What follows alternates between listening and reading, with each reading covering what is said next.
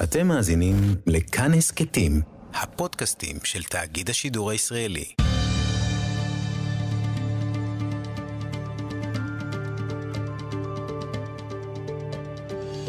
כיוון הרוח עם בני טייטלבוים שלום. תקופת סיום שלטון ישראל וחורבן הבית השני, התקופה הזו סובלת מיחסי ציבור גרועים. מה אפשר כבר לומר טוב על אירועים שהתרחשו לפני אלפיים שנה ואפילו זקני צפת כבר לא ממש זוכרים. הרבה שנאות, איבה הדדית, קנאות, התנכלות איש לרעהו עד הסוף המר, שרפת בית המקדש. כילד ניסיתי לדמיין איך זה היה. מה קרה? איך לא קם אחד שצעק לכולם, תגידו, השתגעתם? ובכל זאת הכל נשאר בדמיון. עד לסרט של גידי דר, אגדת חורבן. היצירה הזו מרימה מול עינינו את השנים שקדמו לחורבן הבית השני. על האירועים הגדולים והקטנים, על חטא היוהרה, על חטא שנאת החינם, והכל במצלמה שרק משוטטת על ציורים.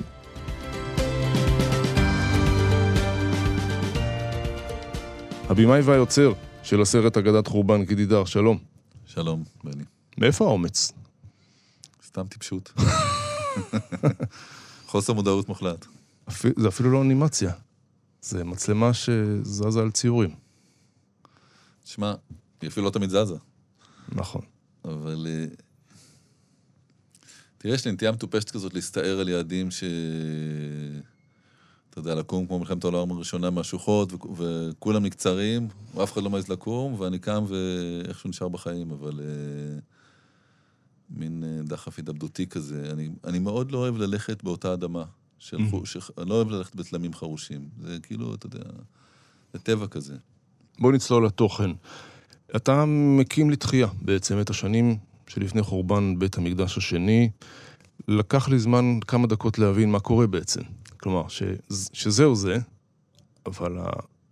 הסיפור, הסיפור מצמית. אמ, מה, מה לך ולאירוע שהתרחש לפני אלפיים שנה? מה לך ולאירוע שהתרחש לפני אלפיים שנה? אני מרגיש שאני חי על פרספקטיבה היסטורית. ואני גם. אוקיי. אתה לא, אני, אני לא דתי. אתה לא דתי, זהו, לא, אנשים לא דתי דתיים, בכלל. ואני ישראלי. אנחנו מקליטים את זה שבוע לפני תשעה באב, גם בדיוק נכון. שבוע, אז, אז אני חי? בקונטקסט. פחות, משבוע. אה, כעת חיה בעוד שבוע, אנחנו נציין. אוקיי, יאללה. אה, אז בוא, מאיפה זה מגיע, התשוקה ל- להאיר את התקופה הזו? תראה, קודם כל יש לי תשוקה מאוד מאוד עזה ליהדות, שנובעת מהתשוקה הלא פחות גדולה לישראליות. וכאילו הישראליות, שהיא באמת, במונחים שלכם, נס גלוי מה, מהגדולים שהאנושות ידעה בכלל. נכון. לא מזמן חשבתי על זה, שהרגעים שלנו פה, במאה השנים האחרונות, הם יותר היסטריים וגדולים מה- מהרגעים הכי גדולים של התנ"ך. אני בוא נגיד, חוץ מיציאת מצרים והר סיני, זהו, זה, אנחנו יותר גדולים מכל שאר האירועים שקרו. מבחינת לספור את גודל האירוע, פשוט גודל הדרמה. נכנסו, כבשו, כמו שואה, בזה, הקימו, זה מטורף, זה סיפור כאילו באמת, קשה לא לחשוב שיש אלוהים בשמיים שמניע את כל הסיפור המטורף הזה. זה לא הגיוני כמעט, הסיפור, באמת, נר, נרטיב מטורף. ואני בן אדם של נרטיבים. זה מה שמעניין אותי, storytelling, זה הדבר שהכי מעניין אותי. אבל עם כל זה, הישראליות שהגיעה לכל השיאים האדירים האלה והגשימה את, החום, את החומריות של החלום של הבונים, החילונים, יש להזכיר, חילונים מאוד, אפילו שעזבו, בעטו בדעת, שרפו את הגשר, שנו ופרשו. לגמרי, יש לי סבא כזה, זכרונו לברכה. עזב בגיל 19, גזר את הפס מבלורוסיה, בא לפה בלי שום ליווי, בלי שום גיבוי, וייבש פה ביצות. אפילו המזגנים לא עבדו אז טוב. כלום לא, ומלאריה ומה שאתה רוצה, וערבים שלא צוחקים איתך, ולא, אתה לא מוגן, ולא כלום, ואתה יודע, הוא לא העלה על דעתו שנצליח להגיע לכאלה הישגים. אבל הגענו. לא שאני אומר שאין עוד לאיפה להגיע חומרית, אבל הגענו חומרית מעל ומעבר ומעבר ומעבר. ואז עולה השאלה, מה עכשיו? נכון? היא שאלה, ואני חושב שאנחנו במשבר רוחני. כלומר, כלומר, זה לא מקום רגיל. מה שהנביאים תמיד הכי קפצו כשאמרו להם, זה רוצים להיות גוי, גוי ככל הגויים, נכון? עם ככל העמים, תמיד הנביאים קפצו מהאורם כשהם שמעו את זה. אתם לא, והם צדקו. אנחנו לא. אנחנו לא יכולים סתם להיות פה, כי זה, זה לא ילך. למעשה, אפשר להגיד שההצלה הכי גדולה שלנו, שאויבינו לא נתנו לנו לחיות בשקט. כמו שאספסיאנוס אמר, שהוא החכם יותר, אמר, תנו להם לאכול אחד את השני, אל תפריעו, ברגע שנתקרב הם יתאחדו. אבל עכשיו, גם כבר, יש לנו הרבה פחות בעיה עם האויבים. אני לא אומר שאין לנו בעיה, אבל יש, אבל הרבה פחות. זה לא נראה כמו קיומי לחלוטין. ומתחילות לצוץ הבעיות. ובעיה, וברגע שגם, אבל הדבר המרכזי הוא, שזה, מה זאת אומרת לא מקום רגיל? זה מקום שחייב שיהיה לו עוצמה חלומית. עוצמה אידאית, רעיונית, בין אם, גם אם היא הרבה דעות. תמיד היה פה, מאז ומתמיד זה היה פה פילוגים ומחלוקות על לאיפה הולכים. אבל העוצמה עצמה חייבת לנכוח, רוחנית, ואם היא לא נוכחת, אנחנו נתקעים ואנחנו נגמרים. וה, והעוצמה הזאת לא יכולה יותר לשאוב רק ממאה שנות ציונות. היא לא יכולה, זה לא מספיק. היא צריכה... עכשיו תראה, לחילונים אין גישה בכלל. אין גישה לאלפיים שנים שהיו קודם. כי כל פעם כשמנסים צועקים הדתה. נכון. אני לא יודע אם זו הסיבה היחידה, זה, זה יותר עמוק, זה הרבה יותר גרוע. הציונות בבסיסה התנגד... וככה הייתה צריכה להיות, זה לא טעות של הציונות, זה בסדר, רק צריך להבין שהדברים גם משתנים והם גמישים. היא שרפה את הגשר מאחורה, היא שרפה את הגלות מאחורה, היא זרקה את התינוק עם המים, ואמרה, הדבר שאני הכי לא רוצה להיות, זה כמו אלו. Mm. נכון? זה מה ש... מהתנ"ך לפלמ"ח, אמרו. בדיוק. עכשיו, זה בסדר. הם היו צריכים לעשות את זה, אחרת זה לא היה הולך. מהפכות אתה שורף את הגשר. Mm-hmm. אוקיי, שרפת, הצלחת. הסכנה של מהפכה זה כשהיא מצליחה. מה קורה עכשיו? עכשיו אתה צריך לתקשר עם זה. כי אם לא תתקשר עם זה, אתה תתקע בלי כלום. עכשיו, לתקשר זה לאו דווקא אולי מה שאתה חושב, אתה חובש כיפה, נכון? לא רואה עם האוזניות פה. כן, כן, חובש. אני לא בטוח שצריכים פה לחבוש כיפות, אנחנו, mm. החילונים. אני חושב שהחילונים עשו טעות מאוד קשה, כשהם העבירו את הנכסים האלה לדתיים ואמרו, זה אחריותכם, לא אנחנו. ואם תביאו את זה לנו, גם נכעס עליכם, הדתה.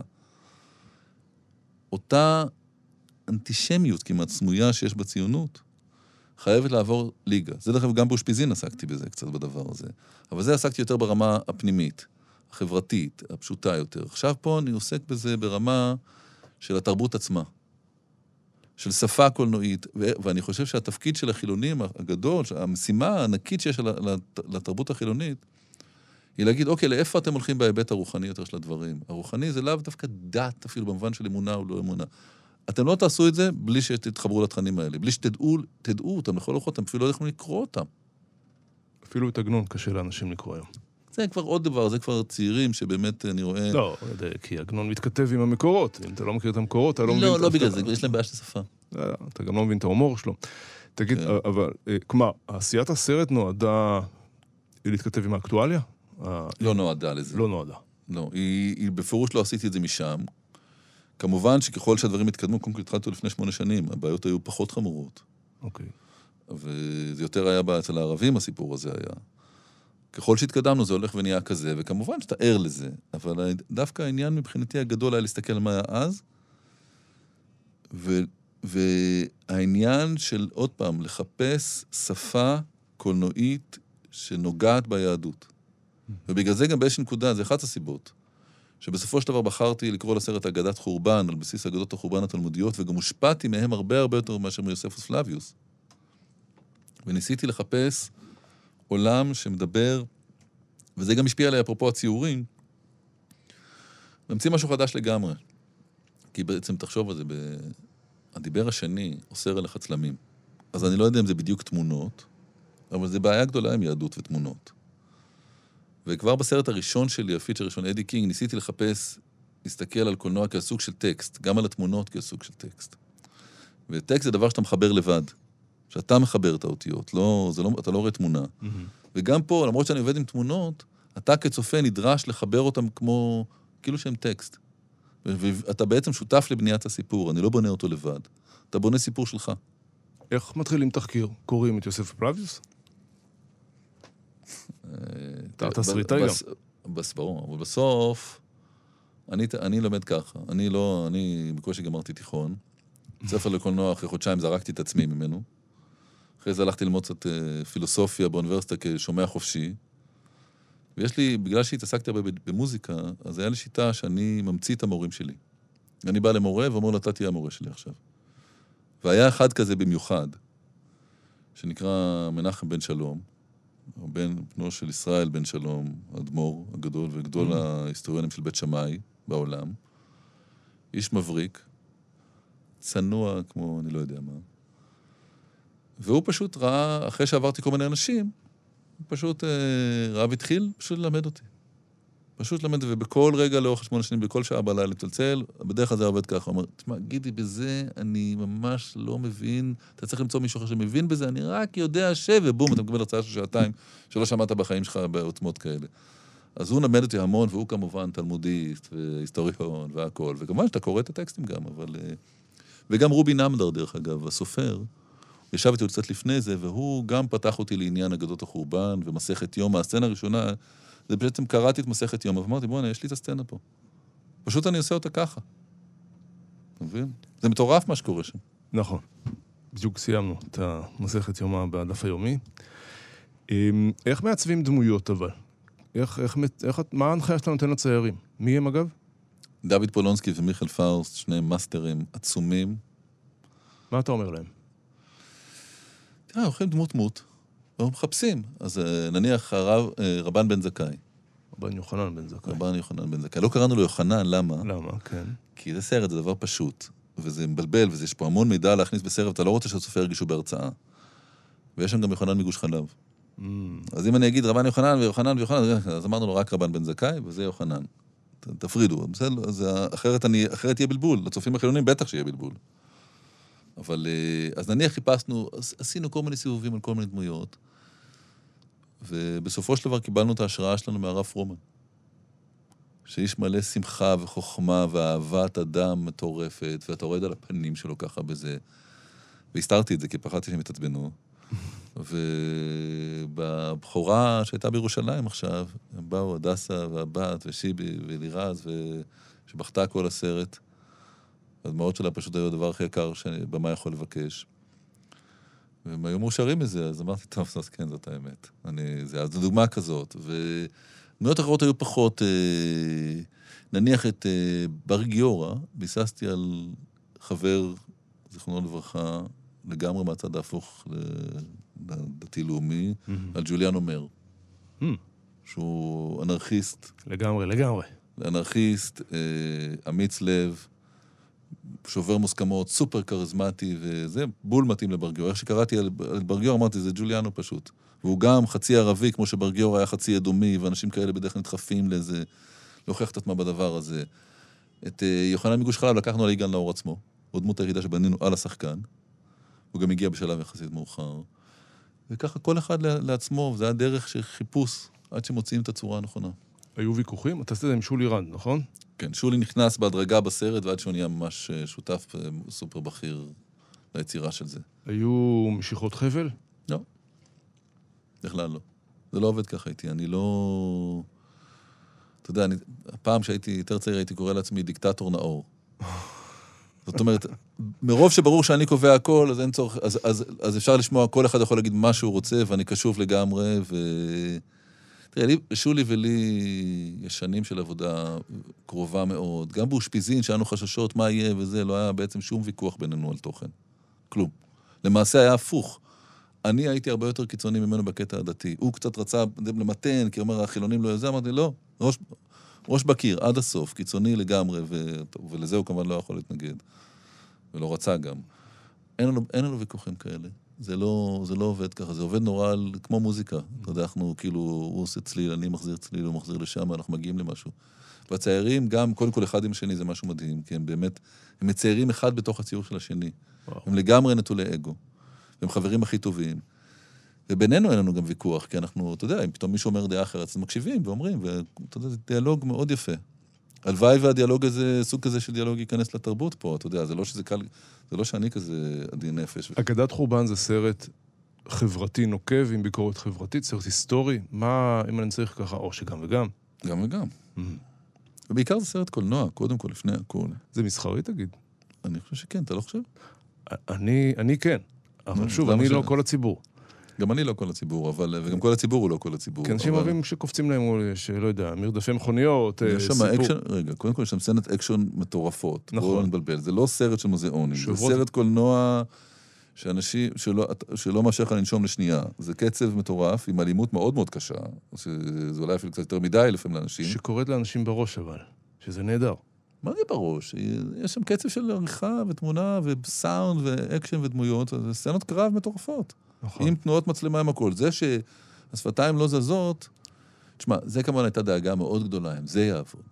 זה עובד, לדעתי זה עובד. כן, אני, אני, אני כל הקרנה, עד עכשיו, יושב, מחזיק את הראש, אומר, זה לא עובד, זה לא עובד, זה לא עובד, זה לא עובד. ואז אני יוצא ככה בסוף, אומר, ואז מוחאים את הכפיים, אני אנשים, אני שואל, תגיד, זה עבד לכם? כן, אז אני מאושר כמובן. זה נורא מפחיד היה לעשות את זה ככה, אבל אני קולנוען, אני לא אומן פלסטי. אני קולנוען ואני אוהב סרטי אקשן. אני מאוד אוהב סרטי אקשן, וזה מה שניסיתי לעשות פה, זה סרט מלחמה מעבר להכל. זה war movie. סרט עצוב, אין לו happy end. לא, אין לו happy end. הבית נשרף. אבל אני ניסיתי גם לא לרכך את זה, כדי שתחטוף את המכה עד הסוף, כי המטרה שלו באיזשהו מקום היא כן להיות נורת אזהרה לישראליות. כי תראה, בסופו של דבר צריך לזכור שהגן הזה שלנו, של חורבן, הוא באמת גן. והוא קורה תמיד פחות או יותר באותו זמן. אתה מגיע לשגשוג, מתרומם, וזה, מגיע להכל, ואז, זה לא יודע אם שאלה של דורות, או שאלה של התפתחות ודעיכה של רעיון. ובאיזושהי נקודה, כשמגיע המבחן, האם אתה יכול סתם להיות עם? האם אתה יכול להיות גם קצת עם ככל העמים? בינתיים הסטטיסטיקה אמרה 100% פעמים לא. אתה לא יכול. אתה מתחרבן. אני מקווה, כלומר, אין סיבה לחשוב שזה לא יכול לקרות עוד פעם. אני לא אומר שזה קורה כרגע, אבל הסימנים הם לא טובים, והמדרון הוא חלקלק. אז אנחנו צריכים לפתוח את העיניים, כולנו. ואני באמת לא רוצה להצביע על שום צד עכשיו ולהגיד, לא, כי אני גם באמת לא חושב ככה. שהצד הזה הוא אשם, או הצד הזה הוא אשם. כמו בסרט, כולם צדקו שמה, כל הדרך לגיהנום. ויש פה שיעור היסטורי מאוד מאוד רציני שאנחנו צריכים ללמוד. ואם לא נתייחס אליו ברצינות, כי הוא... אני מקווה שהסרט הזה יעלה את הדבר הזה על פני השטח, כי זה מתחת לשטיח היה עד עכשיו. דווקא הציבור הדתי-לאומי מכיר את הסיפור. השאלה אם הוא הסיק את המסקנות הנכונות. השאלה עד כמה. והשאלה אם הציבור השמאל, השמאלי מכיר או לא מכיר, וכשהוא יכיר, האם הוא יבין את זה נכון. אגב, גם אני שייך לציבור הדתי-לאומי, ואני הכרתי את הסיפור מקריאה, משיעורים. כשזה מול העיניים בסרט, זה אחרת. זה אחרת לגמרי. יצאתי עם uh, תעוקת חזה קשה. אני שמח לשמוע. תודה שאתה שמח. מעניין אם יש שוני בתגובות בין דתיים לחילונים. איך אתה מתרשם? יש שוני מסוים. אני חושב שההבדל טמון בזה שאצל הדתיים לאומיים, הסיפור הזה, כמו שאמרת, הם מכירים אותו מלפני ולפנים. תילי תילים של פרשנויות, אבל הוא כבר די התקבע באיזו צורה מסוימת. ופתאום כשאני בא ומספר לך את הסיפור בתמונות, גם בסוג קולנוע שאתה לא מכיר, ואני יותר תמים בעניין הזה, אני לא, לא ער לכל הפרשנות, לא, לא הענקתי את זה. אז אה, זה מכה בך, זה מפתיע אותך אחרת. נראה, ש- נראה לי שזה מה שאתה אומר בעצם. זה בעצם פתאום, דווקא בגלל שאני מכיר, ודווקא בגלל שאתה מתפלל שלוש פעמים ביום למקדש, והוא דבר הרבה יותר נוכח אצלך, החוויה יותר מזעזעת. שמע, יש לדעת uh, מה מרגישים כשמקבלים סטירה, ויש כשמקבלים את הסטירה. תחושה, תחושה אחרת לגמרי. אבל גם השמאלנים מקבלים סטירה. כן? והחילונים, כן, מקבלים סטירה חזקה. מה התחדש לך בתחקיר שלא ידעת קודם? המון דברים, לא ידעתי כלום. Mm. אשכרה לא ידעתי כלום על הסיפור הזה. שזה הכי ביאס אותי. שזה, אפרופו מה שדיברנו מקודם, שה... כישראלי שמסתכל על התרבות שלו ואומר, תכלס, אני לא מכיר אותה כמעט, זה דבר איום ונורא. זה דבר מחריד, איך אתה רוצה שהתרבות תסתדר אם אני לא מכיר אותה? אם אתה כבמאי משכיל, גם בחור די משכיל, אתה כמעט לא מכיר את זה כלום. עכשיו אני מכיר הרבה יותר כמובן, היום לתקופה הזאת אני ממש מומחה, אבל אני חושב על אנשים מסביבי, אם הם היו כמו שאני, וחלקם יודעים הרבה פחות ממה שאני ידעתי אפילו, זה אסון. יש לזה משמעות אמיתית קשה מאוד, גם ברמה התרבותית, סתם, לאיפה התרבות הזאת הולכת, וגם ברמה ההיסטורית והפרשנ... והמשמעות של הבנת העתיד הבעייתי שלנו. כי העתיד הוא בעייתי. נדבר על כהנים גדולים, ש... לא יודע אם הרבה יודעים, אבל אה, שלהי, כהונה- שלהי הבית השני זו כהונה גדולה שנרכשה בכסף. אה, ביקורת אה, קשה, גם אצל חז"ל אגב, לא רק נכון. אצלך? אתה, אתה מצייר את השחיתות ואת הסיאוב. אה, רצית יותר ונבלמת, שתף לא, לא, אותנו אני- ב... קודם כל, אף אחד לא בלם אותי בכלום. לא, אולי על ידי עצמך. זהו, על ידי עצמי היה לי. תשמע, אני חייב להודות שבנושא הזה, לפעמים יש לי קצת הכאה על חטא, איזו מחשבה שנייה. מסוימת, חלקית. כי היות, כמו שאני דיברנו על היסטוריה, שנניח יוספוס פלאביוס מספר היסטוריה נורא נורא מדויקת, אבל הוא מטה אותה לגמרי. כמו שבכל עיתון עושים. ישראל היום כותב ככה, הארץ כותב הפוך עם אותן עובדות. אז תחשוב מה זה אלפיים שנה אחר כך. אבל אה, כל מה שאנחנו יודעים על הכהונה הגדולה, זה ממנו ומחז"ל. אנחנו לא, אין לנו טקסטים שלהם. הם מתו, רבים מהם אה, בתום שנה. מתו, וגם במעמדם, גם אלה שנשארו, מעמדם אה, זה. זה גם, דרך אגב, הכהונה לא הייתה כולה כזאת. היו המון כהנים עניים. דרך אגב, דבר מאוד מעניין, המקדש, סיים, סיימו את העבודות על המקדש בערך ב-58, והייתה אה, פתאום, הלוא רק כהנים עבדו. וכהנים פועלי בניין, זה לא עכשיו תגיד כהן גדול. ופתאום נזרקו לשוק 18 אלף כהנים. אתה תדמיין שנכנסים מספרים אפילו עוד יותר גדולים ביחסית להיום, ופתאום נוצרת תסיסה. חלק גדול מהכהנים היו מורדים בכלל, כן? זה לא ש...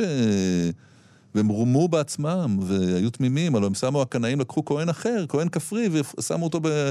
כמו נחזיר את זה להגרלה, כמו שהיה פעם, שזה השם קובע. אבל בסופו של דבר, הכהונה הגדולה, אנחנו לא קיבלנו את הזווית שלהם. נכון. כל מה שאנחנו יודעים זה מה שאנחנו יודעים. עכשיו, אני עובד עם החומרים שיש לי. אז, אה, ואני מניח שבטח הייתה בזה אמת, אני מניח שגם להם היה משהו להגיד שהיה מפתיע אותי אם הם היו אומרים, וזה... לפעמים אני ככה אומר, אתה יודע, אולי הגזמתי קצת, אבל... אולי. סרט המשך. כן. אה, תשמע, עבודת המקדש לאדם המודרני מאוד... אה, תפוס אדם ברחוב בתל אביב, זה מאוד מוזר לו, כל הנושא של הקורבנות. מה לנו ולפרה שנשחטת, איך זה קשור לעבודה דתית? גם לאנשים דתיים, אגב, לא פשוט. נכון. זה. איך אתה מתמודד עם אגב, אני רוצה לספר לך משהו נחמד, שבהתחלת העבודה שלי פגשתי את יהודה עציון. Mm, אני הולך לכל הכיוונים, אני לא, אין לי, אני באמת לא שייך לשום מחנה. כל הכבוד. ובדרך כלל גיליתי שרוב האנשים שעובדים על אה, מכון המקדש ורוצים להיות אנשים נורא עדינים, בדרך כלל. ולא איזה מה שאתה יכול לדמיין, איזה עזי מצח כאלה וגסים, ממש לא. הוא כבר יש לו תרשימים, וכבר תוכניות אה, מתאר עירוניות, כבר הכל כבר מוכן, זה רק עניין של, אה, זה מוכן ברמה הבירוקרטית של העירייה. אבל הוא דווקא אמר לי, למיטב זיכרוני, אני מקווה שאני לא טועה, שהוא דווקא חושב על מקדש צמחוני. וואלה, רעיון יפה. עכשיו, תראה, אנשים הגיבו, חלק מהאנשים הגיבו בהתפעמות. ניסיתי לעשות את המקדש נורא יפה בהתחלה. זאת אומרת, לא יכולתי להתעלם מהשחיטה, אבל... לת... שתבינו רגע את היופי שלו. שלא סתם, מה זה המקדש? תבין שיש שם איזה יופי, וזו חוויית התעלות. ומאוד חתרתי לזה. חלק מהאנשים אומרים חיות וזה, זוועה וזה, חלק מהצד השני, מהצד החילוני. הרבה מתפעמים, עושה להם משהו בכל זאת. עכשיו, תשמע, מה זה חיות? בשבילי, כשמדברים על אה, צמחונות או על זה, אני חושב שללכת לסופר, זה, לא שאני לא עושה את זה, אבל זה קרוב לנאציות. כשמישהו, כשמישהו צד, יש לי אח שהוא צייד בחו"ל, הוא צד חיות, הוא צד ציפורים. מדי פעם. הייתי הולך איתו לצוד בתור ילד, הוא מין איש טבע כזה חייתי. אמרו שאתה משפחה טובה, לא יודע. משפחה מאוד טובה. אבל הוא גאון. עכשיו, הוא, והוא אוהב חיות כמו ש... יותר ממני, ואני סופר אוהב חיות, אוקיי? עכשיו, אבל הוא חלק מה שהוא צד. כשבן אדם הולך לסופר, והוא שותף לרצח של מיליארדי חיות כל יום, ועינוי מחריד בחיות שלהם, וזה בסדר, כי הוא לא צד, לצוד זה לא יפה. זה עטוף יפה בניילון נצמד. כן, בדיוק, אבל זה קצת, תחשוב על תמונה, זה, תחשוב, שים בני אדם בתמונה, תמונה לא נצמד שם, תחשוב איך היית מרגיש. אני כבר מעדיף הרבה מישהו שהולך לצוד, או שכבר מקריב משהו, זה לא כמו זה, למרות ש... הנקודה היא אחרת. הנקודה היא, האם... כי הלוא בעצם הדבר הכי גדול שקרה, הכי משמעותי שקרה בחורבן הבית, מבחינת ההיסטוריה של העולם, זה שהפסיקו הקורבנות. בעצם זה דבר קטן שלא מדברים עליו, אבל זה מה שקרה. פתאום דת אחת הפסיקה להקריב קורבנות. לא כי היא רצתה, דרך אגב. כאילו הנוצרים אולי, אבל גם הנוצרים, הם היו חלק מה... זה, זה לא... גם יהודים היו, זה לא... אבל פתאום הדבר הזה הפסיק. וזה שינה, את ה- זה שינה את התפיסה שלנו של האלוהות. לחלוטין, המונותאיזם השתנה. הוא נהיה הרבה יותר מופשט. ברור. ואני לא חושב שכבר בדיוק נוכל לחזור לאותו מקום. והשאלה עם המקדש, מאיפה זה הולך? אני הפתעתי כמה אנשים, שאמרתי, לא, לא אכפת לי שיבנה מקדש שלישי דווקא, אני לא כזה מתנגד, רק השאלה איך.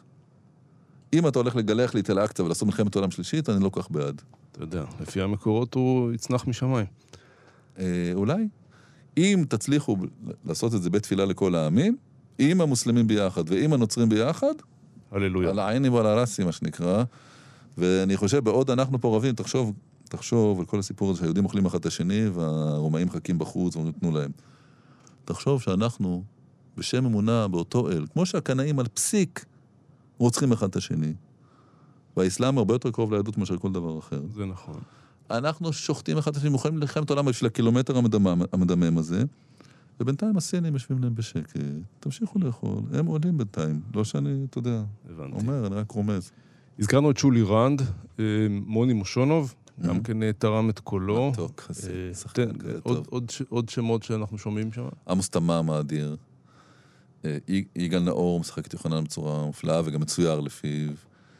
יעל אבקסיס, שבאמת יש לה משהו כזה, היא גם שחקנית אדירה, וגם יש בה משהו כזה עם הדרת כבוד של מלכה, היא פשוט מבהירה את התחושה הזאת. ויש לי אורי הוכמן תפקיד קטן, ומתי סרי תפקיד קטן, יש שם... הלכנו פעם לאיזו הקרנה לשחקנים באולפני דיבי, ואנשים הסתכלו על הקאסט, אמרו, מה זה, איזה סרט יש פה? אתה יודע, פשוט... מעניין, לא יודע אם חשבת על זה, אבל אנשים חרדים, הרבה, הרבה מהם לא צופים בסרטים, כי אין שם, יש שם תמונות לא צנועות. הסרט שלך הוא כשר למהדרין, נכון. לפחות בעניין הזה, בהשגחת ועדת עניין. העדה החרדית. אין, לא רואים נכון. אישה על המסך. לא, רואים את ברניקי. ציור. דרך יש- אגב, אני מזכיר לך שעשיתי אושפיזין, ושם כן רואים על זה, אישה על המסך, והחרדים כולם ראו את הסרט הזה. כל כולם, ומישהו אומר לך שלום בלב. פיראטי, בודדים. לא? בואו לא נדבר על זה, על הפיראטיות כאן, זה היה פה משהו שאני די כעסתי עליו. כעסתי דרך אגב על המנהיגים, לא על הציבור, כי הציבור עשה את זה בתמימות. המנהיגים, הייתה לי בעיה איתם, שניסיתי לשכנע אותם שיעשו, יפרסמו מודעה, וזה לא הסכימו, למה? אז נותן לגיטימציה. אז אמרתי להם, תשמעו, אני תלמיד קטן מאוד, של, לא תלמיד חכם, אבל הסרט הדיברות קראתי. לא תגנוב כתוב. אתם מחטיאים ציבור שלם, זה בסדר. אבל הכשר למוזיקה, זה לא עזר להם. בסוף הסוס טריאני הזה נכנס לתוך המחנה, פתח את הדלת, אושפיזין, והיום יש לכולם שם טלפונים חכמים וסרטים. לא נסגרה הדלת. אנשים חרדים הגיבו לך על הסרט? כן. כדת חורבן. עמומים. מדהים. אחד, תן, תן תגובה אחת ככה. אני כבר לא זוכר בדיוק, אבל זה תגובות כאלה, גם, אני לא זוכר, הקרנה שאתה היית בה, או אחת, אתה היית, ב... לא זוכר, סינמטק ירושלים. כן, היו שלוש שמה. באו לי חבר'ה... חושב שהייתי בראשונה. ליט- לא, אז בראשונה לא היו חרדים. היו שם כמה חבר'ה חרדים, ליטאים, גם אף... כי גם הם לומדים את זה, בצורה- אותה סתירה שאתה מדבר, גם הם חטפו. נכון. הם פחות לאומיים, אבל החוויה הייתה מטלטלת בשבילם גם כן מאוד. אני מאוד מקווה שהם יבואו לראות. מתי זה. בקולנוע, הסרט? מיום חמישי הקרוב, אנחנו יוצאים ביום חמישי בערב, ביום שבת, מוצאי שבת אנחנו עוצרים, תשעה באב, וזהו, אחרי זה מתחילים לרוץ, אה, זה בכל הארץ, או ברוב הארץ כרגע. מתחרים בסרטי הקיץ, אז מי שרוצה לעזור לנו ולהעביר את המסר שילך עכשיו. זה לא סרט fun קלאסי לקיץ. נכון, אבל אני אמרתי בכל זאת, נלך עליו עכשיו. מה, העיתוי ליציאה סביב אה, לקראת תשעה באב הוא לא מקרי כמובן. הוא לא לגמרי מקרי, הוא גם לא לגמרי לא אה, מכוון, זה... תשמע, אני בכלל מרגיש עם כל העשייה והשלב של ההפצה של הסרט הזה, אני כאילו ממש איזשהו כוח, שלא ננקוב בשמו, תפס אותי בעורף. וכשרציתי כבר לגמור, הוא לא נתן לי, כל הזמן הקשה עליי פה והקשה עליי פה, ולא הצליח לתת לי, ואז בום, ברגע הנכון מוציא אותי, אז אני לא יודע מה להגיד. אתה- אבל זה ברור שזה היה משהו פה שלא אני שלטתי בו. מהיוצרים הפורים, גידי דר, אפשר להתפרנס מקולנוע בארץ בימינו? תתפלא עם זה שאני עושה נורא נורא מעט סרטים. איכשהו אני מתפרנס בלי ללמד ובלי כלום, אני לא יודע איך. אני מצליח איכשהו. היוצר, שנצליח קצת אפילו יותר הפעם. התסריטאי והבמאי גידי דר, של אגדת חורבן, סרט מומלץ בחום, אה, בקור. בקור, באימה, בעיניים פקוחות, להסתכל להיסטוריה בלבן של העיניים. תודה רבה שבאת לאולפנינו, גידי. תודה רבה לך על הזמן שהקדשת לי. תודה. עד כאן דברנו, תודה לגידי דר, תודה לעורך איתי סופרין. אפשר להאזין לנו באתר כאן, ביישומון כאן, בדף הפייסבוק, כאן הסכתים, אני בני טייטלבום. תודה, שנהיה בבריאות וטוב. כיוון הרוח